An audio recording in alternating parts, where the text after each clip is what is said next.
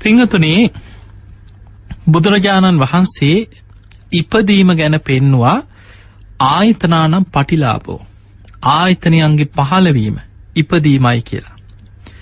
ඔබ බලන්න කොයි ලෝකෙ ඉපදුනත් අපි දකිනවා බිත්තර ඇතුළෙන් සත්වයන් උපදිනවා. අන්ඩජ ජලාභුජ සංසේජජ ඕපපාතික කියලා මේ විපදීම කොටස් හතරකට ධර්මය විස්තර කරනවා. මව් කුසවල් වලින් උපදිනවා. බිත්තර තුළින් සත්වයන් උපදිනවා. ඕපපාතිකව පහළ වෙනවා. ඊළඟට තෙත් පරිසරයවල් ඇසුරු කරගෙන උපදිනවා.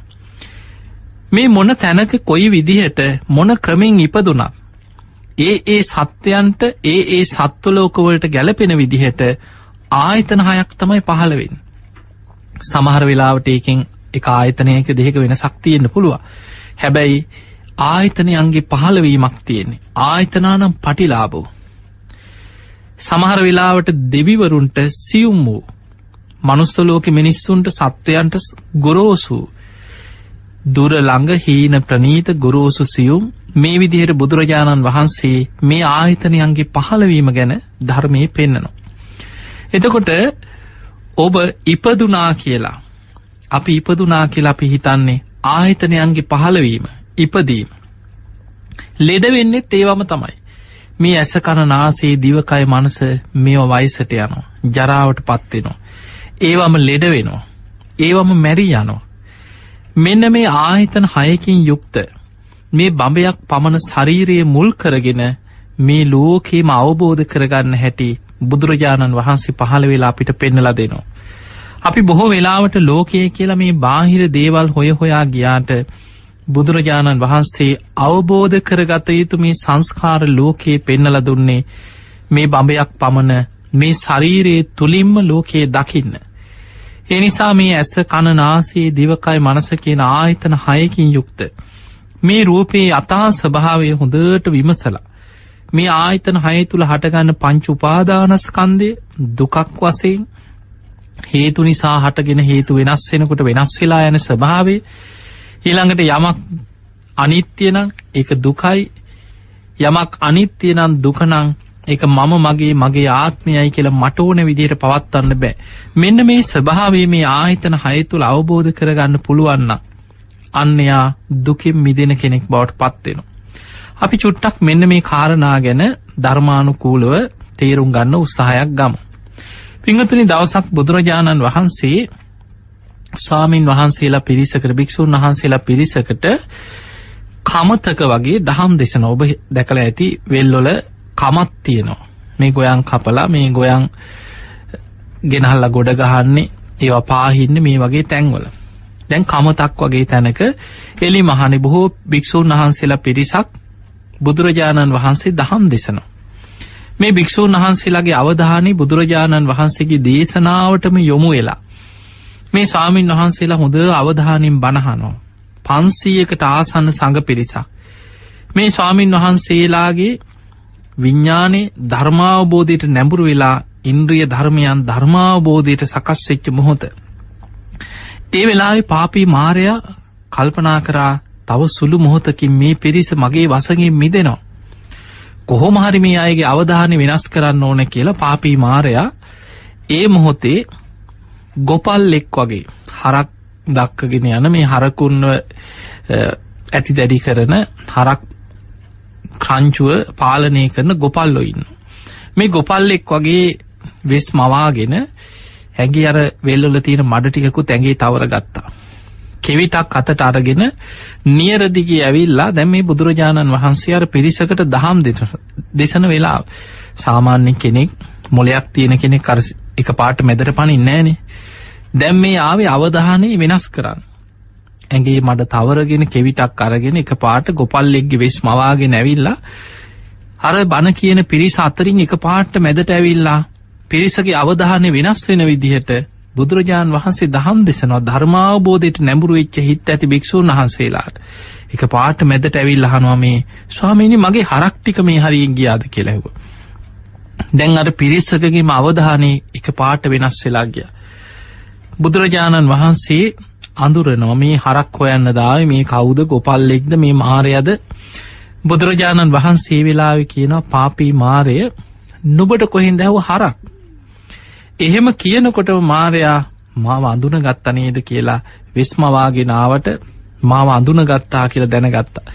ඒ වෙලේ පාපි මාරයක් කියනවා ස්වාමීනී ඔබවහන්සේ මේ පිරිසව නිදහස් කරවන්න හැදුනට මගෙන්නම් මිදීමක් නෑ කියෝ. මේ ඇස මට අයිති දෙයක්. ඇහැට පේන රූප මටයි කිව අයිති. ඒවට බැඳෙනවා කියන්නේ මට බැඳීගිය පිරිසක්. මේ කන මටයි කිව අයිති. කනට ඇහෙන සබ්ද කෙලෙස් සුපදින ඒව මට බැඳෙන දේවල්. මේ නාසේ මටයිකි වයිති නාසීට දැනෙන කෙලෙස් සහිත ගඳ සුවද ඒවට බැඳී යනවා කියන මටයි බැඳෙන්නේ ඒව මටයි අයිති.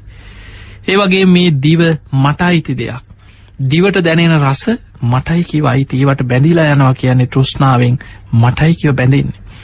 ඊළඟට යම් කිසි කෙනෙ මේ කය මටයිකි වයිති කයට දැනෙන පහසට බැඳෙනවන්නං මට බැඳෙන පිරිසක් දැම මේ මාරය කියන්න. මේ මනසත් මටයිකි වයිති. මේ හිතේ හටගන්න කෙලෙස් සහිත සිතුවිලිවලට බැඳිලා යනවා කියන්නේ මටයිකිව බැඳෙන්. ඒ නිසා මගෙන් මිදෙන්න හිතුවට මේ කාටවත් මගෙන්නම් මිදීමක් නෑකිව. දැඟන්න මාරය කියනදේ මේ ඇස මට අයිති දෙයක් ඇසට පේන රූප මටයි අයිති. මේ කණ නාසේ දිවකයි මනස කියන ආයතනහය මටයි අයිති. ඒ ආයතනයන්ට ගෝචර වෙන රූප සබ්ද ගන්ධ රස පහස අරමුණු මේ මටයි අයි ඒවට බැඳිල ඇනවා කියන්නේ මගේ වසගේ ඉන්න පිරිසා. ඒ නිසා මගෙන් මි දෙන්න හැදුවට මේ කාටවත් නම් මගෙන් මි දෙන්න දෙන්නෑ කියව. එතකොට බුදුරජාණන් වහන්සේ පාපී මාරයට අර සඟ පිරිස ඉදිරියේම කියනවා මාරය ඒකනම් හරි කීව. මේ ඇස ඔබට තමයිකි වයිති. යමෙක් ඇස මම මගේ කියලා පිළිගන්නවද ඇසට පේන රූපවලට කෙලෙස් සහිතව බැඳී යනවද ඔබටම බැඳිලගිය පිරිසක් තමයි කිවයියයි. ඔබේ වසන්ගේ ඉන්න පිරිසක්. පාපී මාරය මේ කන කියන්නේ කෙලෙස් උන නෝල්පතක් නාසය දිව ශරීරයේ මනසමී ආයතන හයම කෙලෙස් උන නූල්පත්. ඒ ආයතන හයට එන රූප සබ්ද ගන්ධ රස පහස කියන මේ අරමුණු අපි වට කියෙන බාහිර ආයතන ආධ්‍යාත්මික ආයතන කියන මේ ඇස කණනාසේ දිවකයි මනස. ඇහැට ගෝචර වෙන රූප කනට ඇහෙන සබ්ද නාසයට දැනෙන ගඳසූඳ දිවට දැනෙන රස කයට දැනෙන පහස මනසට නරමුණු අපිවට කෙන බාහිර ආයතන. එදකොට මෙන්න මේවට බැඳෙනවනං කෙලෙස් සහිතව මේ අරමුණුවස්සේ බැඳී යනවනං පාපී මාරය ඉතින් ඒ අය ඔබටම තමයිකි අයිති. එහෙම කියලා බුදුරජාණන් වහන්සේ වදාලා නමුත් පාපී මාරය මගේ ශ්‍රාවකයෝ මේ ඇසේ යථාස භාවය නුවනින් දකිනවා. හේතු නිසා හටගෙන හේතු නැතිවෙනකොට නැතිවෙලා යන ඒ අනිත්‍ය වූ ධර්මතාවය ඇස තුළින්ම ප්‍රඥාවෙන් දැකළ අවබෝධ කරගත්ත පිරිසක්. මේ ඇස අනිත්‍යයි දුකයි අනාත්මයි කියලා අවබෝධ කරගත්ත මගේ ශ්‍රාවකයෝ ඇසට බැඳෙන්නෑ කියව. ඇහැට පේන රූපවලට බැඳිලා යන්නෙත් නෑ. ඒ ගැන තියෙන තෘෂ්ණාව නැතිකරගත්ත මගේ ශ්‍රාවකයන් ගිය දිහක්කත් පාපී මාරය නුබට හොයාගන්නවත් බෑකිව. ඊළඟට බුදුරජාණන් වහන්සේ වදාළ පාපී මාරය මේ කන හේතු නිසා හටගත්ත හේතු නැතිවෙනකොට නැති වෙලා යන දෙයක්. නාමරූප පච්චයා සලා එතන නාමරූප ප්‍රත්තියෙන් හටගන්න. ඒ නාමරූප ධර්ම වෙනස් වෙනකොට වෙනස් වෙලා යනු. කනට ඇහෙන සබ්දත් ඒ වගේ. හේතු නිසා හටගෙන හේතු නැතිවෙනකොට නැතිවෙනවා. එතකොට මේවෑ යථහස භාවය හේතු පල වසයෙන් ගැඹුරු නුවනකින් විදර්ශනා නුවනකින් හොඳට විමසලා එහි අතාස භාවය අවබෝධ කරගත්ත මගේ ශ්‍රාවකයෝ මේ කනටවත් කනට ඇහෙන කෙලෙස් සහිත සබ්දයකටවත් ඇලෙන්නේ නෑ බැඳින්නේ නෑ ඒවට බැඳී යන්නේ නෑ ඒ අනිත්‍යයි දුකයි අනාත්මයි කියලා ප්‍රඥාවෙන් දැකලා ඒ ගැන තියෙන තන්හාාව ප්‍රහාණය කරගන්න පිරිසක් පාපීමාරයේ නුඹට ඒ අය ගිය දිහක්කත් හොයාගන්න බෑකිව. මේ විදියට බුදුරජාණන් වහන්සේම ආයතන හය ගැනම ඇස කන නාසේ දිව ශරීරයේ මනස කියන. ආයතන හයේම යථාස භාවේ අනිත්‍ය දුක් අනාත්ම කියන ත්‍රිලක්ෂණී තුළින් ප්‍රඥාවෙන් දැකලා කෙලෙස් ප්‍රහාණය කරගත්ත මගේ ශ්‍රාවකයෝ මේ රූප සබ්ද ගන්ධ රස පහස මේවට ඇලෙන්නෑ කිව. ආයතන හය මම මගේ කියලා පිළිගන්නෙත් නෑ. ඒක අනිත්‍යයි දුකයි අනාත්මයි කියලා ප්‍රඥාවෙන් දැකලා විදර්ශනාවෙන් දැකලා කෙලෙස් ප්‍රහාණය කරගත්ත පිරිස ගිය දිහාකත් පාපිමාරය නුබට හොයන්න බෑකිව. එහෙම කියනකොට මාව අඳුනගත්තා කියලා පාපී මාරය අතුරු දහන් වෙලා කිය. එතකොට හිතන්න ඔබ ඔබේ ඇස කණ නාසේ දිවකයි මනස මේවා නිකං අපිට පේන මේ මම මගේ මේ මට තිය මේ මගේ පිනකට පහළ වනාවගේ හිතෙන් හැබැයි මේවට බැඳිලාගිය ගමන් අපි බැඳිලයින්න අමුතුවෙන් බැඳිලා යන්න දෙයක් නෑ අපි මේ සසරේ ඉපදීපදී ඉපදීපදී යන්නේ මේ ආයතනයන්ට මේ රූප සබ්ද ගන්ධ රස පහස මේ බාහිරායතනයන්ට ඊළඟට ඒ ආධ්‍යාත්මික ආයතන බාහිරායතන එකතුවෙන්න විඤ්ඥානයත් එක් ඒකතුවීමට අපි කියනවා ස්පර්සේ ඉස්පර්සි නිසා ඇතිවෙනවා විඳීම් හඳුනා ගැනීම් චේතනා. මේ ආයතන හය තුළම පංච උපාදානස්කන්දය හටගන්න මෙන්න මේ පංච උපාදානස් කන්දේටයි බැඳෙන්නේ. මම මගේ මගේ ආත්මයයි කියල මේ පංච උපාදානස්කන්දය ගැන ආත්ම දෘෂ්ටියෙන් බැඳී යනු. එහෙම බැඳී ගියාට පස්සේ මාරයාට බැඳීගිය පිරිසක් බවට පත්වෙන එනිසා පින්වතුනේ අපිට ආය අමුතුේ මාරයට බැඳින්න දෙයක් නෑ බැඳිලම ඉන්නේ. ගැලවෙන්න උත්සාහ කරන්නට ඕන. බුදුරජාණන් වහන්සේගේ ධර්මය අපි අහන්නේ බණහන්නේ ඒ ධර්මයෙන් විමසන්නේ අනිත්‍යදු කනාත්ම වසයෙන් විමස විමස බලන්නේ ප්‍රඥාවෙන් දැකලා ඒ ගැන තියෙන ඇල්ම ප්‍රහාණය කරන්න හදන්නේ මාර වසගේ මිදෙන්නයි. මාරයාට බැඳී ගිය නිසා තමයි සතරාපාය මහගෙදර කරගෙන සංසාරය වැටි වැටි දිගින් දිගටම ගමන් කරන්න. ඒ නිසා තමයි මාරයා බුදුරජාණන් වහන්සේ ඉදිරී පෙනීදල කියන ස්වාමීණී භාකතුන් වහන්ස මේ ඇස මම මගේ මගේ ආත්මයයි කියලා පිළිගන්නවනං එයාට මගින් ගැලවීමක් නෑ කියන. ඇහැට පේන රූප කනට ඇහෙන සබ්ද නාසයට දැනෙන ගඳසුවද දිවට දැනෙන රස කයිට දැනෙන පහස මනසට එන කෙලෙස් සහිත අරමුණු ඒවෑ නිමිති සටහන් මතකතියා ගනිමින් එහෙමනි කෙනෙක් දැන් ඇහෙන් දකිනවා කෙලෙස් සහිත රූපයක් එක්කො දැක්කල් ගමන් ඒ රූපයේ එක්කො සටහනක් එක්කො ඒක නිමිත්තක් කොටසක් හරි මතකතියාගන්න කෙලෙස් සහිත රූපය සිහිකර කර සිහිකර කර අර කෙලෙස් උපද්දව කරන්න දැන් ඔබ හිතන ඔබට තේරෙන සාමාන්‍ය උදාහරණයක් හිතම්. රාග සහිත නිමිත්තක් මොකක් හරි රූපයක් හරි චිත්‍රයක් හරි මොනොහරි දෙයක් රාග සහිත දෙයක් ඇස් දෙකින් දැක්ක. දැම් මේ දැකපු දේ ඒක ඒ විදිහටම හිතේ සටහන් කරගන්න එක්කො ඒ දැකපු දෙයින් කොටසක් හරි මතකතියාගන්න දැන් ඒ දැකපු දේ ඔබ සිහි කරන්න සිහි කරන්න නූපන් රාගය උපදිනවා උපන් රාගේ බලවත්වෙනවා. මෙන්න මේක තමයි ආයතන හයෙන් කෙලෙස් උපද්ද උපද්දව සංසාරයට බැඳි බැඳී යන ආකාරය. නිමිති සටහන් වසයෙන් කෙලෙස් සහිත අරමුණු ඇහැට පේන රූපෝස්සේ මතකතියාගෙන යළියලි කෙලෙස් උපද්ද උපද්දව යන ගමන. මේ ඇහෙම්ම දකිනව තරහකාරී.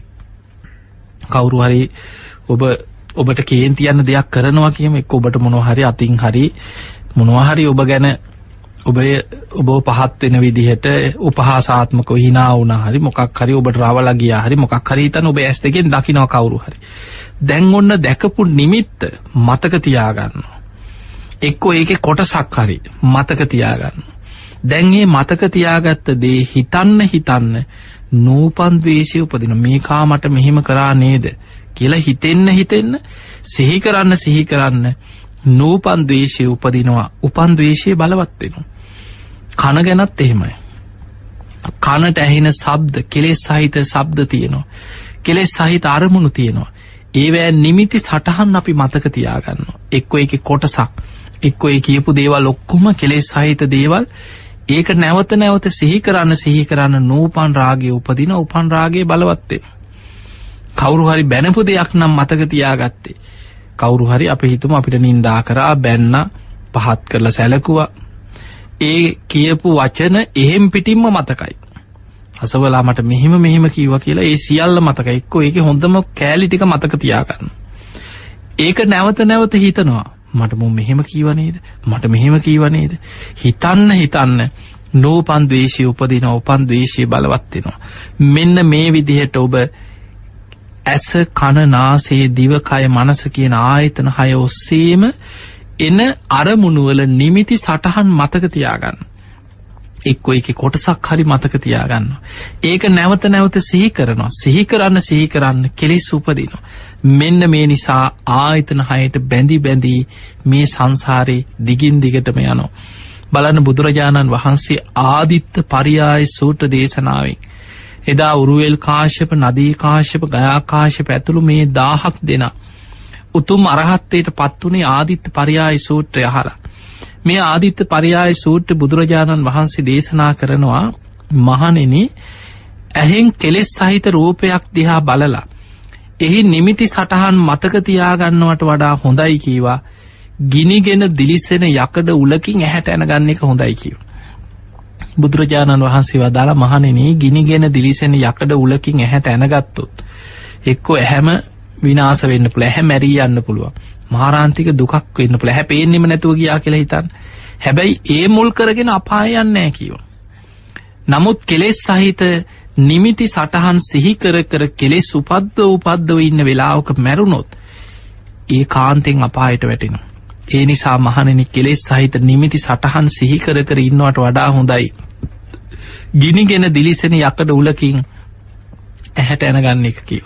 එහෙම කියලා බුදුරජාණන් වහන්සේ වදාල නමුත් මහණෙන ආර්යශ්‍රාවකයා ඒ දේශනාව ඇහුවට පස්සේ මෙහෙම හිතනවා මම ගිනිගෙන දිලිසෙන යකඩ උලකින් ඇහැට ඇනගන්න මම මේ ඇහැ යථා ස්වභාවයම අවබෝධ කරගන්න. අන්න එහෙම හිතන කෙනා මේ ඇස අනිත්‍යයි කියල සිහි කරන. ඇසට පේන රූප අනිත්‍යයි කියල සිහි කරනු. ඇසේ හටගන්න විඤ්ඥානෙ චක්කු විඤ්ඥානය අනිත්‍යයි කියල සිහි කරනු. ඇසයි රූපයයි විඤ්ඥාන එකතුවීම ඇසේ ස්පර්සය අනිත්‍යයි කියල සිහි කරනවා. ඒ ස්පර්සිෙන් ඇතිවන විඳීම් රූප හඳුනා ගැනීම් හඳුනාගත් රූප ගැන චේතනා ඇතිවේ මේ ඇහැමුල් කරගෙන හටගන්න පංචු උපාදානස්කන්දීම අනිත්‍යයි කියලා නුවනින් සිහි කරලා ඒ ගැන තියෙන තන්හාාව ප්‍රහාණය කරගන්න අන්න ආර්ය ශ්‍රාවකයාගේ ස්භාවේ. ඊළඟට බුදුරජාණන් වහන්සේ වදාළ මහනෙනේ මේ කනෙන් කෙලෙස් සහිත සබ්ද අහලා ඒවෑ නිමිති සටහන් මතකතියාගෙන සිහිකර කර ඉන්නවට වඩා හොඳයි කියවක් ගිනිගෙන දිලිසෙන යකඩ උලකින් කනට ඇනගන්නේ. බුදුරජාණන් වහන්සේ මේ ගොරෝසු විදිහට මෙහෙම පෙන්නල දෙන්නේ මේ වැෑතියෙන භයානක්කම.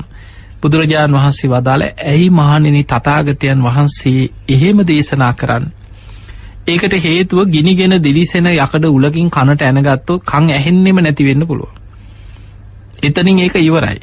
හැබැයි කෙලෙස් සහිත සබ්ද ඒවා අහලා කෙලෙස් සහිත ඒ කියපු වචන මතකතියාගෙන ඒවා නැවත නැවත සිහිකර කර රාගදවේශ මෝහ උපද්ද උපද්දව ඉන්න වෙලාවක අකුසල් බලවත් වෙලා මැරුණොත් ඒ කාන්තෙන් අපායකව එක්කො තිරිසන් ලෝකෙ. ඒ නිසා ඊට වැඩිය හොඳයි කියව කනට උලකින් ඇනගත්තා කියලා අපායන්නෑ කියව. එතකොට අපිට පේනවා බුදුරජාණන් වහස මෙහෙම කියලා පෙන්න්න නමුත් මහණනි ආර්ය ශ්‍රාවකය තතාගතයන් වහන්සේ මෙහෙම ගොරෝසු ස්වභාවේ මේක ආදීනව පෙන්නනකොට නුවනැති කෙනා කල්පනා කරනවා මම කනට ඇනගන්නේ. මම මේ කනේ යථාස භාවේ නුවනින් දැකලා ප්‍රඥාවෙන් දැකලා ඒ ගැන තියෙන තෘෂ්ණාව ප්‍රහාණය කරගන්න. අන්නයා මේ කන අනිත්‍යයි කියලා යථාස භාවයම විදර්ශනා නුවනින් විමස විමස ධර්මයට අනුකූල විදියට විමසල බලනු. කනට ඇහෙන සබ්ද අනිත්‍යයි කියල විමසනවා.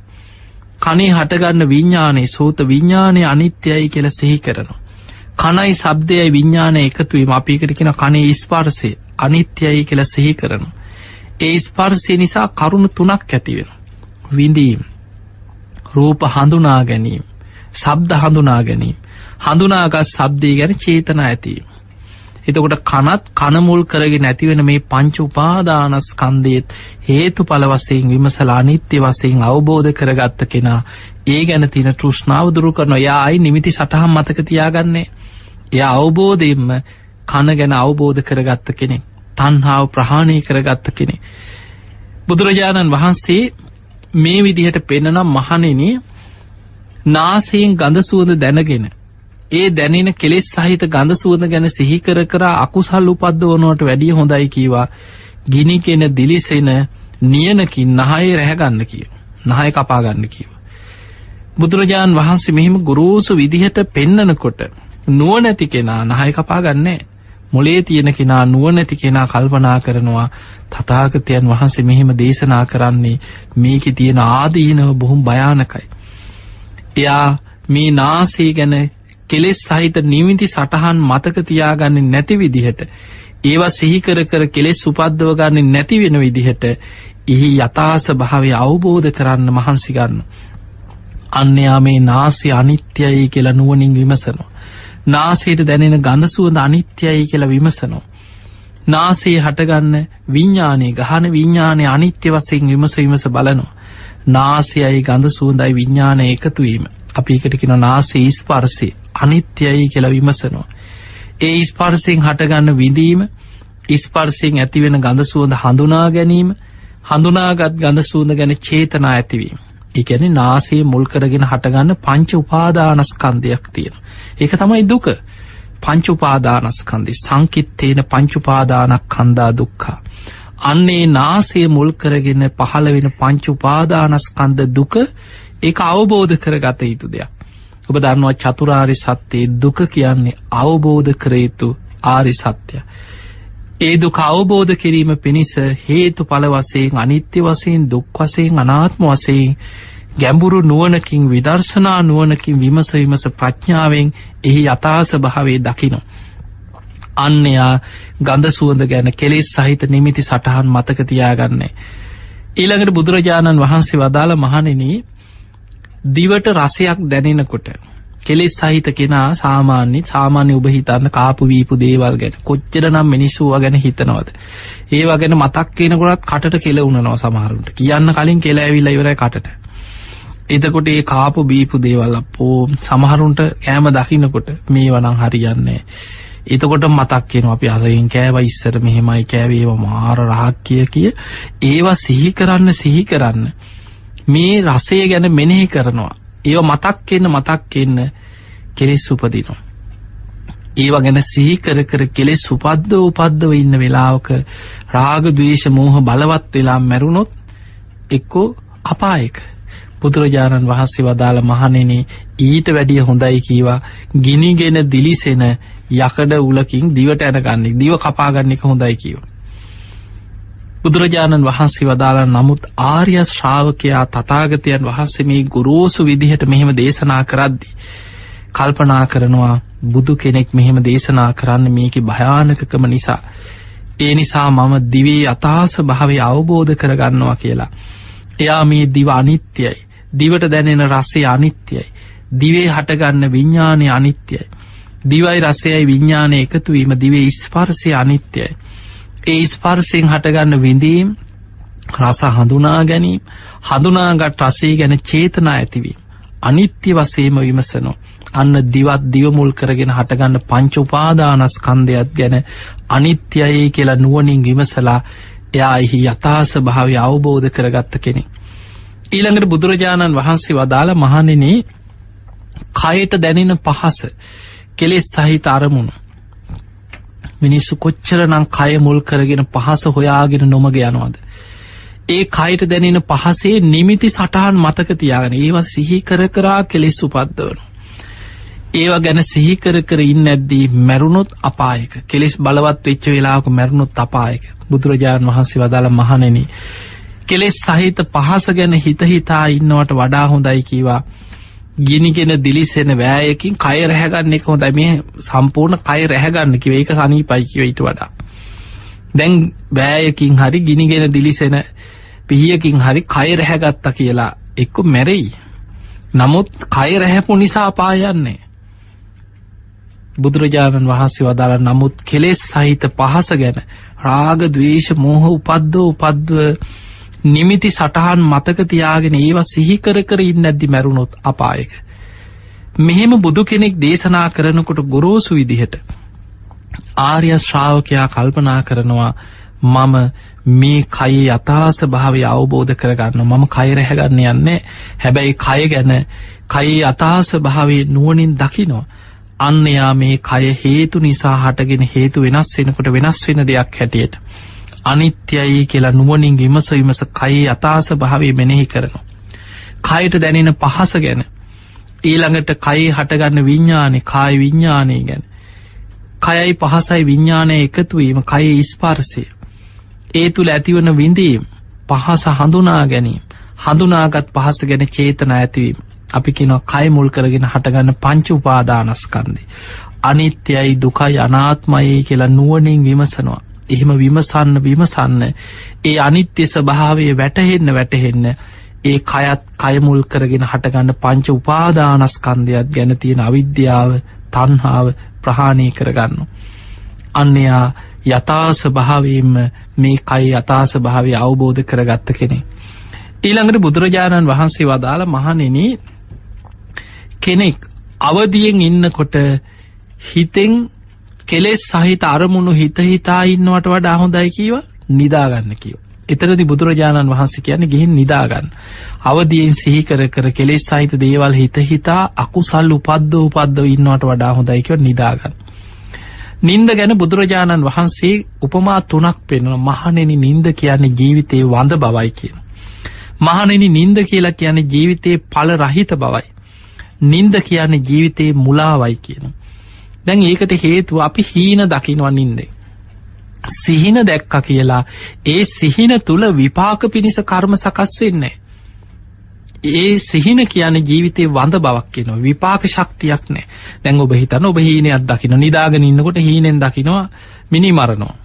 නැකිටපු ගමන් මිනිමරුවෙක් නෙමේ හීනයක් දකින හොරකං කරමුණු හරි ආස කරන දෙයක්. දැන් මේ ගැන හිත හිතා නිදාගන්න. හීනෙන් දකිනවා මීම දෙයක් හොරකං කරගෙන න කඩයකින් හරි. දැන් නැකිට්ට වෙච්ච ගමන් හොරෙද්ද හොරෙක් නෙම එක හීනය. ඒ වගේ කෙලෙස් සහිත අරමුණු හිතහිතා ඉන්න වෙලාක සිහියෙන් පුටුවක වාඩි වෙලා හරි ගමනක් යන ගමන් හරි හැම වෙලාම ඔබ අවදියෙන් ඉන්නකොට හිතහිතා සැලසුම් හදනවනං හිත තුළ කර්ම සකස් වෙන. අනුන්ගේ දේවල්ලෝට ආස කරන ඒවටකෙන අභිජ්ජා කෙලෙස් සහිත අරමුණ ඔස්සේ ඒ තුළ කර්ම රැස් වෙනවා. අනුන්ගේ දේවල් ගැන හිත හිතා ඒවට ආසකර කර කෙලෙස් උපද්දවනු. ඊළඟට දවේශය වෛරේ හිතෙන් උපද්දවන අකුසල්. මිත්‍යාදුෘෂ්ටික අදහස් මේවා හිතන්න හිතන්න. හිත තුළ කර්ම රැස්වෙනවා. චේතනා පහළ වෙනවා. ඒ නිසා බුදුරජාණන් වහන්සේ වදාළ මහනිනී කෙලෙස් සහිත අරමුණු සිහි කර කර ඉන්නවට වඩා හොඳයිකව ගිහින් නිදාගන්න එක. නින්දෙන් විපාක පිණිස කර්ම සකස් වෙන්නේ. මෙහෙම දේශනා කරද්දි බුද්ධිමත් කෙන ආර්ය ශ්‍රාවකය කල්පනා කරනවා තතාගතයන් වහන්සේ මේ විදිහට දේශනා කරන්නේ. මේ කෙලෙස් සහිත අරමුණු සිහිකිරීමේ ආදීනව. නිසාමයි ඒ නිසා මං මේ මනස යථාස භාවය අවබෝධ කරනවා කියලා එයා මනස අනිත්‍යයේ කියලා නුවනින් විමස විමස හේතු පල වසයෙන් බලන. මනසට එන අරමුණු හිතේ හටගන්න විඤ්ඥානය මනෝ විඤ්ඥානය මනසයි අරමුණුයි විඤ්ඥාන එකතුවීම අපිකටකෙන මනස ස්පර්සේ ඒ ස්පර්සිෙන් ඇතිවෙන විඳී විඳීන අරමුණු හඳුනා ගැනී හඳුනාගත් අරමුණ ගැන චේතනා ඇතිවීම. මෙන්න මේ මනසත් මනසේ හටගන්න පංච උපාදානස්කන්දයත් අනිත්‍යයි දුකයි අනාත්මයි කියලා හොඳට නුවනින් විමස විමස බලනවා. මේ විදිහට ආයතන හයත් ආයතන හයේ හටගන්න පංච උපාදානස්කන්දයත් අනිත්‍ය වසයෙන් දුක් වසයෙන් අනාත්ම වසයෙන් විමසල බලන කෙනා මේ ආයතන හය ගැනත් පංච උපාදානස්කන්දය ගැනත් තියෙන තන්හාාව ප්‍රහාණය කරන. ඒක තමයි දුක්ක නිරෝධය තන්හාාව ප්‍රහාණය කිරීම. දුක නැතිවීම කියන්නේ තන්හාාව නැතිවීම. දැන් ඔබ තේරුම් ගන්න බුදුරජාණන් වහන්සේ දැන් චතුරාරි සත්‍ය ගත්තොන්. දුක්ක සත්‍යය දුක්ක සමුදය දුක්ක නිරෝධය දුක නැති කරන මාර්ගය. දුක කියලා කියන්නේ ආයතන හය. ආයතන හයේ පහළවීම ආයතනානම් පටිලාබෝ. ඉපදෙනවා කියලා ඉපදුනේ ජාතිපි දුක්කා ඉපදීම දුකක්. දැන් ඔබ තුළින් ඔබ විමසල බලන්න මොනවද ඔබට ඉපදිලාතියෙන්. ඇස කණ නාසය දිව ශරීරයේ මනසමියවතම ඉපදිලාතියෙන්. ඊළඟට ලෙඩවීම දුකක් මොනවද ලෙඩ වෙන්නේ. ඇස ලෙඩ වෙනවා කණ ලෙඩ වෙනවා නාසේ ලෙඩ වෙනවා දිවලෙඩ වෙනවා ශරීරේමල කයින් කොටසින් කොටස ලෙඩ හැදෙනවා. මනස මානසික රෝග පීඩා හැදෙනවා. දුකක් ලෙඩවීම දුකක්. වයසට යෑම දුකක්. බලන්න වයිසට යන්න මොනවද කියලා ඇස වයිසට යන. කන වයිසට යනු. නාසය වයිසට යනු. දිව ලුණු ඇඹුල් තේරෙන් නැති මට්ටමට දිව ජරාජීර්ණ වෙලා වයිසට යනු. කය වයිසට යනු. නැගිට ගන්න බෑ වාරුණේ මුළු ශරීරයම දුරුවල වෙලා එක තැන මළමුට්ට කරගෙන කොච්චර වයිසට ගිහිලා දුක්විනිනවාද. දුකක්. ඊළඟට මනස. වයිසට යන්න යන්න කල්පනාව අඩුවෙනවා. මේ ආයතන හයම තමයි වයිසට යන්නේ. ඊළඟට මරණම්පි දුක්කං මොනවද මැරෙන්නේ? ඇස මැරී යනවා. කණනාසය දිවකය මනස. මේවා ජීවත් වෙලා ඉන්න ඇදිත් එකින් එක මැරිය යන නමුත් මෙතන මරණය කියන්න මේ ආයතනයන්ගේ බිඳියාම. මේ ආයතනයන්ගේ බැහැරවීම මේ ආයතන හයම අතහැරලා යන්න වෙනවා බුදුරජාණන් වහන්සේ මේ විදිහට මේ දුක්කාරි සත්‍ය පෙන්නලා විස්තර කරලා ඊළඟට ප්‍රියයන්ගෙන් වෙන්වීමේ දුක අප්‍රියන් සමග එකතුවීමේ දුක කැමතිදේ නොලැබීමේ දුක මේ විදියට විස්තර කරලා හකුලෝල පෙන්නවා සංකිත්තේන පංචුපාදානක් කන්දා දුක්කා. මහනිනි ශංශේපයෙන් ගත්තොත් හකුලවල ගත්තොත් දුක කියලා කියන්නේ පංචුපාදානස්කන්දේ. අන්න එහෙමනං ඒ පංචුපාදානස්කන්දය හටගන්නේ කොහෙද ඇසේ හටගන්නවා පංචුපාදානස්කන්දේ. කනේ හටගන්නවා පංචුපාදානස්කන්දේ. නාසේ හටගන්නවා පංචුපාදානස්කන්දේ. දිවේ හටගන්නවා පංචුපාදානස්කන්දේ කයි හටගන්නවා පංචුපාදානස්කන්දේ මනසේ හටගන්නවා පංචුපාදානස්කන්දේ. එහම නම් පංචුපාදානස්කන්දේ ඇතිවෙන්නෙම ඇස කණ නාසේ දිවකය මනසකින ආයතන හය තුළමයි. එහම නම් මේ ආයතන හයත් ආයතන හය මුල් කරගෙන හටගන්න පංච උපාදානස්කන්දයක් දුක්කාරි සත්‍ය. ඒ තමයි දුක. අවබෝධ කළ යුතුයි. දුකේ කෘත්‍යය තමයි අවබෝධ කළ යුතුයි. ඊළඟට තන්හාාව දුකේ හට ගැනීම ඊළඟාරි සත්‍යය තමයි දුක්ක සමුදේ දුකේ හට ගැනීම දුකේ හට ගැනීම ගැන තන්හාාව යායන් තන්හා පෝනෝ භවිකා යම් තන්හාාවක් ඇද්ද පුනර් භවය ඇති කරලා දෙනවා. නන්දිරාග සහගත ආස්වාදයෙන් ඇලෙනවා. තට්ට තට්ටාබි නන්දිනි. උප උපන්තැන සතුටින් පිළිගන්න යම් තන්හාාවක් ඇද්ද. ඒ තන්හාාවේ හට ගැනීම තමයි දුක්ක සමුදය. දැන් ඔබ හිතන්න තන්හාාව හටගන්න කොහෙද කියලා? අර කියපු තැන් වලමයි. ඇස කන නාසය දිවකය මනස. ආයතන හය ගැනමයි තන්හා උපදින්. මේ ආයතන හයේම හටගන්න රූප වේදනා සංඥා සංකාර විඤ්ඥාන මේ පංචුපාදානස්කන්ද ගැනමයි තන්නාව ඇතිවෙන් අන්න ආයතන හයත් පංචුපාදානස්කන්දයක් අයිති දුකට අවබෝධ කළ යුතු දුක්කාරය සත්‍යය. ඒ ආයතන හයත් පංචුපාදානස්කන්දයක් ගැන තන්හාාව ඇති වෙනවා කියන්නේ අවිද්‍යාව නිසා තන්හාාවේ හට ගැනීම තමයි දුක්ක සමුදය දුකේ හට ගැනීම මොකද තන්හාාව හටගත්ත ගමන් තන්හා පච්චයා උපාදාන තන්හාාව නිසා බැඳී යන. උපාදාන පච්චයා බව විපාක පිණිස කර්ම සකස් වෙන. බව පච්චයා ජාති කර්මයට අනුව උපදින ආයමත් කොයි හරි උපදින. ඒ උපදින්නෙත් මවකුසකින් ඉපදුනත් බිත්තරයක් ඇතුළෙන් ඉපදුනත් එත් පරිසරයකින් පහළ වනත් ඕප පාතිකෝ පහළ වනත් ආයමත් ලැබිල තියෙන්නේ ඇස කණනාසේ දිවකයි මනස ආයතන හයක්මයි තන්හාාව නිසා ආයායමත් පටිච්ච සම්පාදයක් සකස්වෙවී ආයතනයන්ගේ පහළවීමක් වෙනවා. ඒක තමයි සසර ගමන නැවත නැවත හැදි හැදී යන දුක්ක සමුදිය දුකේ හට ගැනීම. නැවත නැවත දුක සකස් වෙන්නේ විදිහට. ඊළඟට දුක්ක නිරෝධාරය සත්‍යය දුක නැතිවීම. දැන් ඔබට තේරෙන්න්නට ඕනෑ දුකේ හට ගැනීම තන්හාාවේ හට ගැනීම නං. දුක නැතිවීම කියන්නේ තන්හා නිරෝධය තන්හක්කයෝ රාධ නිබ්බාන බුදුරජාණන් වහන්සේ වදාළ තන්හාාව ශේවීමමයි නිවන දැන් ඔබ හිතන්න කොහේද තන්හාාව හටගත්තේ ඇස කන නාසය දිවකය මනස ආයතන හය තුළ ඒ ආයතන හයේ හටගන්න රූප වේදනා සංඥා සංකාර විඤ්ඥාන කෙන පංචු උපාදානස්කන්දි ගැනයි තන්හාාව ඇතිවුණේ එහෙමනම් අන්නේ ඇතිවෙච්ච තැන්වලමයි තන්හාාව ප්‍රහාණය කරන්නට තියෙන් ඇස ගැන තියෙන තන්හාාවයි නැති කරන්නට තියෙන. ඇහැමුල් කරගෙන හටගත්ත පංච උපාදානස්කන්දය ගැන තියෙන තන්හාාවයි ප්‍රහාණය කරන්නට තියෙන. කන ගැන තියෙන තන්හාාව කනමුල් කරගෙන හටගත්ත පංච උපාදානස්කන්දි ගැන තියෙන තන්හාාවයි නැති කරන්න තියෙන. නාසය ගැන නාසේ මුල් කරගෙන හටගත්ත පංච උපාදානස්කන්දි ගැන තියෙන තන්හාාවයි නැති කරන්න තියෙන.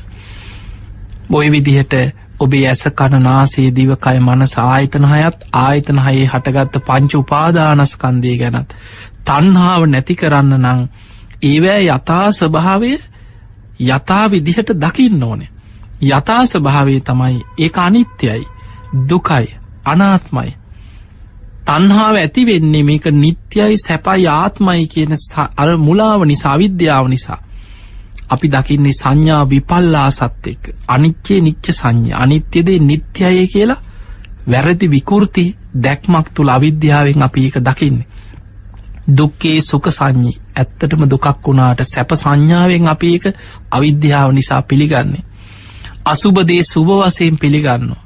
අනාත්මදේ ආත්ම වසයෙන් පිළිගන්න. මෙන්න මේ වැරදි දැකීම අවිද්‍යාව නිසා තන්හාාව හටගන්නේ. ඒමනම් තන්හාාව නැති කරන්න නං ආයතන හයත් පංචුපාදානස්කන්දයක් ගැන තියෙන අවිද්‍යාව නැති කරන්න ඕන තන්හාාව නැති වෙන්නන ඒ පිණිස තමයි මේ ආයතන හය අනිත්‍යයි දුකයි අනාත්මයි කියලා හේතු පලවසේ මේ හේතුව නිසා හටගත්ත මේ හේතු නැතිවෙනකොට නැතිවෙන හේතු පලවසයෙන් විමස විමස බලන්න බලන්න ඒ ගැන තියෙන අවිද්‍යාව දුරුවෙන අවිද්‍යාව දුරුවෙනකොට තන්හාාව ප්‍රහාණය වෙනවා තන්හාාව ප්‍රහාණයවීමම තමයි දුක්ක නිරෝධය දුක නැතිවීම නිවන බුදුරජාණන් වහන්සේ නිවන ගැන පෙන්වේ යෝ තස්සායේව තන්හා යම් තන්හාාවක් ඇද්ද. අසේස විරාග නිරෝධෝ. ඒ තන්හාාව ඉතුරු නැතුවම නිරුද්ධ කරන්න. චාගෝ පටිනිසක්ගෝ මුත්ති අනාලයෝ ඒක බැහැර කරනවා දුරු කරනවා ඒ ගැනති නැල්ම ප්‍රහාණය කරනවා. එතකොට මේ මොන වචනෙන් කීවත් තන්හා ප්‍රහාණය තන්හක්කයෝ තන්හාාව ශේවීම තන්හා ප්‍රහාණයමයි දුක්ක නිරෝධය. තන්හාාව නිරුද්ධ වෙච්ච ගමන් තන්හා නිරෝධා උපාධාන නිරෝධ. තන්හාාව නිරුද්ධ වෙච්ච ගමන් බැඳීයාම නිරුද්ධ වෙන. බැඳී යන්නේ නැත්නං උපාදාන නිරෝධා භව නිරෝධ. විපාකපනිස කර්ම සකස් වෙන්නේ නෑ ඒක නිරුද්ධ වෙන. කර්ම සකස්වීම නිරුද්ධ වෙච්ච ගමන් භව නිරෝධා ජාති නිරෝධ උපදින්නේ නෑ. කර්මයක් තිබ්බොත්න උපදින්නේ. කර්මයක් සකස් වෙලා නෑ උපත පිණිස යලි. එතකොට ඉපදීම නිරුද්ධයි. ඒක බුදුරජාණන් වහන්සේ පෙන්වන රහතන් වහන්සේලාගේ ස්භාවය කීනම් පුරාණ. උන්වහන්සේලා පැරණි කර්මශ්‍යය කර. නවන් නත්ති සම්බව. අනාගතයේ භවයක් පිණි සාලුතෙන් කර්ම සකස් කරන්නේ නැතකොට උන්වහසලට භවයක් හැදිලනෑ කර්ම සකස්වීමක් නෑ පෙර කර්මශ්‍යය කර අලුත් කර්ම සකස් කිරීමකුත් නෑ විරත්ත චිත්තා ආයතිකයේ බවස්මින් ආයමත් භවයක උපතක් පිණිස විඤ්ඥානි පිහිටන්නේ. ඒක හරියට තේකීන බිහිජා අවිරුල්හි චන්දා බීජයක පැලවෙන ස්වභාවින් නැති කරා වගේ. ඔබ හිතන්න මොකක් හරි මුං ඇටයක් මෑටයක් වී ඇටයක් මොනවාහරි පැලවෙන දෙයක්. ඒක පැලවෙන ස්වභාව අපි නැති කරනවා. අපි හිතම තම්බනවා. එක්කෝ මොනහරි කිරණයක් හරි අල්ලලා පුච්චල මොනවාහරි කරලා මේක පැලවෙන ස්වභාව නැති කරලා. හැබැයි පේන්න තියෙන වැටේ පේන්න තින හැබැයි පැලවෙන ස්භාව විනාස කරලා තියෙන. අපි මේ බීජය දැම් පොළොවේ තියලා පස්වලින් වහලා පෝරදානවා වතුරදානවා හැබැයි පැළවෙන ස්වභාවෙන් නැතිකරපු බීජයක් ආයි පැළවෙන්නේ. තේකීන බිහිජා අවිරුල් හිච්චන්ද බීජයේ පැළවෙන ස්වභාවෙන් නැති කරා වගේ නිබ්බන්ති දිහිරා යථායම්පදීප හරියට තෙල් වැටි අවසන් වෙනකොට පහන නිවිලෑනවා වගේ එතනව නිවිලෑනවා. එතකොට තන්හාාව ශේවීමෙන්මයි ඉපදීම නිරුද්ධ වෙලා යන්නේ. තන්හා නිරෝධා උපාධාර නිරෝධ තන්හාාව නැතිවීමෙන් බැඳයාම නිරුද්ධ වෙනවා. උපාදාන නිරෝධා භව නිරෝධ විපාක පිණිස කර්ම සකස්වීම නිරුද්ධ වෙනවා. කර්මයක් නැත්නම් බව නිරෝධා ජාති නිරෝධ ඉපදීමක් නෑ අයි මවකුසෙන් උපදින්නෙත් නෑ බිත්තර ඇතුළෙන් උපදින්න තැනකුත් නෑ ඔපපාතිකව පහළ වෙන්නෙත් නෑ තෙත් පරිසරයෙන් උපදින්නෙත් නෑ කර්මයක් තිබුණොත් තමයි උපදින්නේ. ඉපදීමක් නැත්නං ලෙඩවෙන්න වයිසට යන්න ජරාවට පත්වෙන්න කෙනෙක් නෑ සෝක පරිදේව දුක්ක දෝමනස් උපායා සේව විඳින්න කෙනෙක් නෑ. ඉපදීම නැති තැන දුකෙන් මිදෙනවා. අන්න දුක්ක නිරෝධය නිවන. ඒ පිණිස තියෙන මාර්ගය තමයි ආර්යෂ්ඨායික මාර්ගය. එතකොට ඒ පිණිසයි බුදුරජාණන් වහන්සේ මේ සීල සමාධි ප්‍රඥාවනින් යුක්ත ආර්යෂ්ඨායික මාර්ගයක් තුළ මෙන්න මේ ආයතන හයත් ආයතන හයේ හටගත්ත පංච උපාදානස්කන්දයක් ගැන ගැම්බුරු විදර්ශනා නුවනක් තුළ ප්‍රඥාවෙන් දැකලා ඒ ගැන තියෙන ඇල්ම ප්‍රහාණය කරගන්න මාර්ගයයි බුදුරජාණන් වහන්සේලා පහළ වෙලා පිට පෙන්නල දීලතියෙන්. පිංහතුනේ ඒ නිසා මේ බඹයක් පමණ ශරීරයේ තුළ මුළු ලෝකේම අවබෝධ කරගත්තා වෙනවා ඔබේ ඇස කන නාසයේ දිවකය මනස කියන ආයතන හයත් මේ ආයතන හයත් හටගන්න පංච උපාදානස්කන්දයක් ඔබ නිතර ධර්මාබෝධයට අවශ්‍ය විදිහට නුවනින් විමසන්න පුළුවන්න. පිංහතුනී මේ උතුම් ධර්මය අවබෝධ කරගන්න කාරණා හතරක් අවශ්‍ය කරනවා. බාහිරින් ලැබෙන් ඕන කරුණු දෙකක් තියෙනවා. ඒ තමයි කල්්‍යයාන මිත්‍ර ඇසුරයි සද්ධර්මශ්‍රවනයයි. කල්්‍යයාන මිත්‍රයා කියන්නේ බුදුරජාණන් වහන්සේ. ඒ ධර්මය ඒ විදිහටම විකෘති කරන්නේ නැතුව තමන්ගේ මත ඇතුල් කරන්න නැතුව වචන කඩලා තමන්ගේ අදහස් දාලා ධර්මය විකෘති කරන්න නැතුව බුද්ධ වචනය ඒ විදිහටම කියලා දෙන කෙනෙක් ඉන්නවනම් අන්න කල්්‍යයාන මිත්‍රය. බුදුරජාණන් වහන්සේ සංයුත්ත නිකාය උපඩ්ඩ සූත්‍රය පෙන්නවා මමංහි ආනන්ද කල්්‍යාන මිත්තා.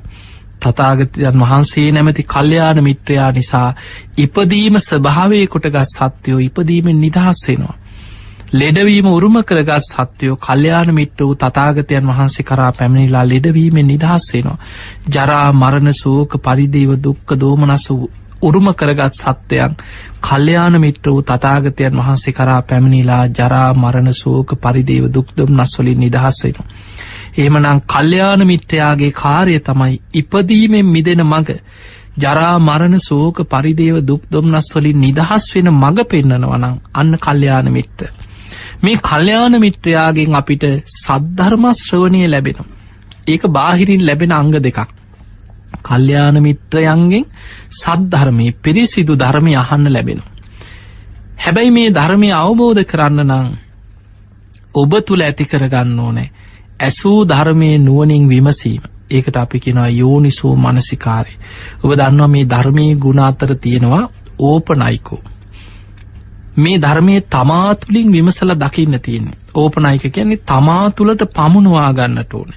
තමා තුළින් දකින්න තියෙන එතකොට තමා තුළින් යෝනිසෝ මනසිකාරය දෙනවා කියන්නේ අහපු ධර්මයට අනුකූලව තමන් තුළින් විමසල බලනු දැන් අපි ඇහුවනම් මේ ඇස අනිත්‍යයි කනානිත්‍යයි නාසය අනිත්‍යයි දිවානිත්‍යයි කයානිත්‍යයි මනසානිත්‍යයි කියලා අපි බනහල තියෙනවා. දැන් අපි හිතම අපි ඔහොම දේශනාවක් ඇහුව. ඕන තරම ඔබ බණට හල ඇතිනි අන්න බුදුරජාණන් වහන්සේගේ පිරිසිදු බුද්ධ වචනයක් අපි කල්්‍යයාන මිත්‍රයගෙන් ශ්‍රවණය කරා ධර්මී සඳහන් වෙන දේශනාව අන්න අපිට කල්්‍යයාන මිත්‍රයන්ගෙන් සද්ධර්මශ්‍රවනය ලැබුණ දැන් අපි යෝනිසෝ මනසිකාරය දෙනවා කියන්නේ ඒ ඇසූ ධර්මය තමා තුළින් විමසල බලනවා. ඇත්තටම මගේ ඒ අනිත්‍යයද. ඇත්තට මොය කියන විදියට මගේ කන අනිත්‍යයද. මගේ නාසේ අනිත්‍යයද. මේ මගේ දිව කය මනස මේ අනිත්‍යයද කියලා තමා තුළින් විමසල බලනු. එහෙම තමා තුළින් විමසල බලන්නේ තමන්ට ඕන හිතුවක් කාරය ක්‍රමවලට නෙමේ. ධර්මය සඳහන් වෙන ක්‍රමේටම විමස විමස බලන්න පුරුදු වෙනවා. ඒකට තමයි දහම් දැනුම අවශ්‍ය කරන්නේ. යෝනිසෝ මනසිකාරය යෙදෙන්න නං දහම් දැනුම අවශ්‍ය වෙන. දැන් දහම් දැනුම කියලා කියන්න ඔන්න අපිට බණ අහනකොට අහන්න ලැබෙනවා නාමරූප පච්චයා සලායතන. එහෙම නම් මේ ආයතන හය ඇස කණනාසේ දිවකය මනස නාමරූප ප්‍රත්තිෙන් හටගෙන තියෙන්. නාමරූප කියලා කියන පටවි ආපෝ තේජෝවායෝ කියන සතර මහා ධාතුන්ගේ පැවැත්මක් ඒ තුළ හට ගැනීමක් තියෙන. නාම ධර්ම වේදනා සංඥා චේතනා පස්ස මනසිකාර. දැන් ඇස ගැන හිතන්න ඇස කියන්නේ නාමරූපයෙන් හටගත් ආයතනය ඇසේ තියෙනවා මස්වලින් හැදිච්ච ඇසක් අපි එකට මස ඇසක් පේන තියෙනවන ඇහැක් පේන තියෙනවා ඇහැක් කියලා මස්වලින් හැදිච්ච යමක් පේන තියෙනවා ඒක තමයි අපි ඇහැ කියලා කියන්න එතකොට මේ මස ඇස පටවි ආපෝ තේජෝ වායෝ කියන සතර මහා ධාතුන්ගෙන් හටගත්ත දෙයක් ඒ නිසා ඒ මස ඇස ලෙඩ වෙනවා තුවාල හැදෙනවා කුණු වෙනවා. සමහර ඇස් පනුව ගහනු. ඇස් පිටිම්ම අයින් කරනවා සමහර. එතකොට මේ විදිහට ඇහැ කියන්නේ වයිසට යනවා ලෙඩවෙනවා ජරාවට පත්වෙනවා ඇහි සුදේනවා කියයි ඇහැ පේෙන් නැති වුණාගේ ඇහි තුවාල දැම්ම කියයි. එතකොට මේ ඇහැ ලෙඩ වෙන ඇහැක් වයිසට යන ඇසක් ජරාවට පත්වෙන ඇස. අන්න සතර මහා ධාතුන්ගෙන් හටගත් ඇස ඒවා වෙනස් වෙන අනිත්‍යය. හැබැයි මේ ඇස සතර මහා ධාතුන්ගෙන්ම හටගත්තනම් ඒක මසැසක් හැටියට දැ මලකුණක් තුළත් ඇහැක් තියෙනවා වැහිලා තිබ්බත් ඇරගෙන මැරිලා හිටියත් එතන ඇසක් තිබුණට එතන නාම ධර්මණය හැබැයි ආයතනයක් වෙන්න නම් නාම රූපයන්ගෙන් හටගත් ඇස. ඒ ඇස තුළ විඤ්ඥානයක් හටගන්න. ඒ ඇහැට රූප පේනවා. ඒ ඇහේ ස්පර්සය ඇති වෙන. ඒ ස්පර්සය නිසා ඇහැතුළින් විඳීම් ඇති වෙනවා. විදින රූප ඇහෙන් හඳුනගන්න හඳුනගත්ත රූප ගැන චේතනා පාල මෙන්න මේ නාම ධර්ම ක්‍රියාත්මක වෙනවාන්නන් අන්න ඒ ආයතනය. නාම රූපයන්ගේ පැවැත්මක් තියෙන ඇස තමයි ආයතනයක් වෙන්නේ. එතකොට අපි මේ අහපු ධර්මය තමා තුළින් බලනවා ඇත්තටම මගේ ඇහේ මේ ස්භාවේ තියෙනව නේද. මගේ ඇහැට රූප පේනවා. එහෙනම් මගේ හැතුලින් මන් රූපයක් දකින්න ඇසයි රූපයයි විඤ්ඥානය එකතුවීම නිසානේද. මේ ඇහැට පේන දේවල් නිසා මට විඳීම් ඇති වෙනවා ඇහෙන් දකින දේවල් නිසා කොච්චර දුක හිතිල ඇද්ද කේන්ති ගිහිල්ල ඇද්ද නොමග ගිහිල්ල ඇද්ද එතකොට ඒ ඇහැට පේන දේවල් එක්ක සැපදුක් උපේක්ෂා විඳීම් ඇති වෙනවා. විඳින රූපාපි ඇහෙන් හඳුන ගන්නවා. සංඥාව කියන්නේ ඒක. මේ රතු පාට නිල් පාට කහපාට කවුද සතෙක්ද ගහක්ද වාහනයක්ද මේ ඔක්කොම හඳුනාගන්න ඉස්පර්සය නිසා හඳුනගන්න ඒ තමයි සංඥාව. හඳුනගත්ත රූපය ගැන චේතනාවක් පහළ වෙනවා. ඒ තමයි සංස්කාර. එතකොට අපි ධර්මයෙන් අහපු පංච උපාදානස්කන්දය තමාගේ ඇස තුළ තියෙන ආකාරය ධර්මයට අනුකූලෝ තමන්ගේ හැතුලින් දකිනවා එහෙම දැකගත්ත කෙනා තමන්ගේ ඇස ගැන යෝනිසෝ මනසිකාරයේ දෙනවා හේතු පලවසයෙන් විමස විමස බලනවා. මේ රූපේ ගැන හිතනවා ආහාර සමුදයා රූප සමුදයෝ. ආහාර නිරෝධාරූප නිරෝධ මේ ආහාර ප්‍රත්තිං හටගන්න රූපය ආහාර වෙනස් වෙනකොට වෙනස් වෙනවා. විඳීම ඉස්පර්සේ ප්‍රත්තිෙන් හටගන්නවා ඉස්පර්ස වෙනස් වෙනකොට වෙනස් වෙනවා. හඳුනා ගැනීමත් එහෙමයි ඉස්පර්සිෙන් හටගත්ත ඉස්පර්ස වෙනස් වෙනකොට වෙනස් වෙනවා. චේතනාවත් ඉස්පර්සයෙන් හටගන්නවා ඉස්පර්ස වෙනස් වෙනකොට වෙනස් වෙන.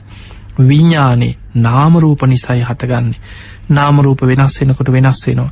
මේ දේ ධර්මය සඳහම් මේ දේ මාතුළත් මේ විදිහටම නේද පවතින්න කියලා ඒ ධර්මයේ සඳහන් ආකාරයට තමා තුළින් විමසල බලනවා. ඒක තමයි යෝනිසෝ මනසිකාරී දෙනවා කියන් ඕක තමයි භාවනා කරනවා කියන් ඒක තමයි විදර්ශනා වඩනවා කියන්.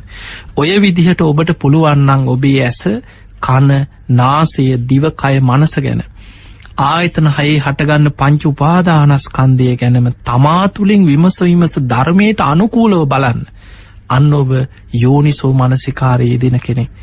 ඔබට ඒ ධර්මය අවබෝධ වෙන්න නං ඔබ ධර්මයට අනුකූල ප්‍රතිපදාවක් තුළ දම්මානු දම ප්‍රතිපදාව තුළ පිහිටන්නට ඕන.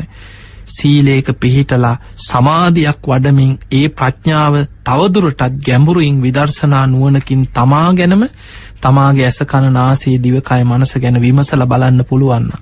අන්න බුදුරජාණන් වහන්සේ අර මාරයාට පෙන්වේ මාරය මගේ ශ්‍රාවකයෝ මේ ඇස අනිත්‍යයි කියලා විදර්ශනා නුවනින් දකින අය ඇහැට පේන රූප අනිත්‍යයි කියලා දැකලා ඒ ගැන තෘෂ්ණාව ප්‍රහාණය කරගත්ත පිරිසා ඒ අය ගිය දිහාක්කත් මාරය ඔබට හොයන්න බෑකිව. ඒ නිසා මාර වසගේ මිදන්න නම්. බුදුරජාණන් වහන්සේ පෙන්වේ මේ ඇස කණනාසේ දිවකය මනසකින ආයතන හයත් ආයතන හය තුළ හටගන්න පංච උපාදානස්කන්දයත් අනිත්‍යයි දුකයි අනාත්මයි කියලා ගැඹුරු නුවනකින් විදර්ශනා නුවනකින් මෙනෙහි කරලා ප්‍රඥාවෙන් දැකලා කෙලෙස් ප්‍රහාණය කරන්න දක්ෂවෙන්. ඒ පිණිස ඔබ මේ ඉගෙන ගත්ත දේශනාව ඔස්සේ ඔබ සරලව පටන් ඔබට තේරෙන තැනින් පටන්ගන්න. ගැඹුරට විමස් මේ ධර්මය ගැඹුර කරා යන්නේ අනුපුබ්බ සික්කා අනුපුබ්බ කිරියා අනුපුබ්බ ප්‍රතිපද පටන්ගන්නකොටම රහත්වෙනවා නෙමේ ක්‍රමානුකූලව නුවනින් විමස විමස තමාතුලින් මේ ගැඹුරු ධර්මය විමසවිමස බලන් ඔබ නුවනේ තම තම නැන පමණින් පච්චත්තං වේදි තබ්බෝවින් ප්‍රඥාවන්ත කෙනා තම තම නැන පමණින් මේ අනිත්‍ය ධර්මය ප්‍රඥාවෙන් තමා තුළින්ම නුවනින් අවබෝධ කරගන්න. ඒ නිසා මේ ගහම්බීර ධර්මය මේ උතුම් චතුරාරි සත්‍ය ධර්මය ඔබට ඔබේ ඇස කණනාසේ දිවකය මනසගෙන ආයතන හය තුළ මේ බඹයක් පමණ ශරීරයේ තුළින්ම ඔබට අවබෝධ කරගන්න පුළුව. ඒ පිණිස සද්ධර්මශ්‍රවනය අද ඕන තරන් ලැබෙනවා. කල්්‍යයාන මිත්‍ර සේවනය හොඳට තියෙන කාලය. පිරිසිදු ධර්මය ත්‍රිපිටකේ තුළ දහම් පොත්පත් තුළ අපිට ඕන තරන් ධර්මය හොයාගෙන යන කෙනෙකුට ධර්මයාද තියෙනවා. මේ උතුම් ධර්මය නිතර අහන බණ යෝනිසෝ මනසිකාරයේදිලා ඔබ තුළින් ගලපල බලන් භාවනාවකේ දෙන්න යෝනිසෝ මනසිකාරයේ දෙන්න විදර්ශනා වඩන් හැම දෙනාටම සම්මා සම්බුදු සරණයි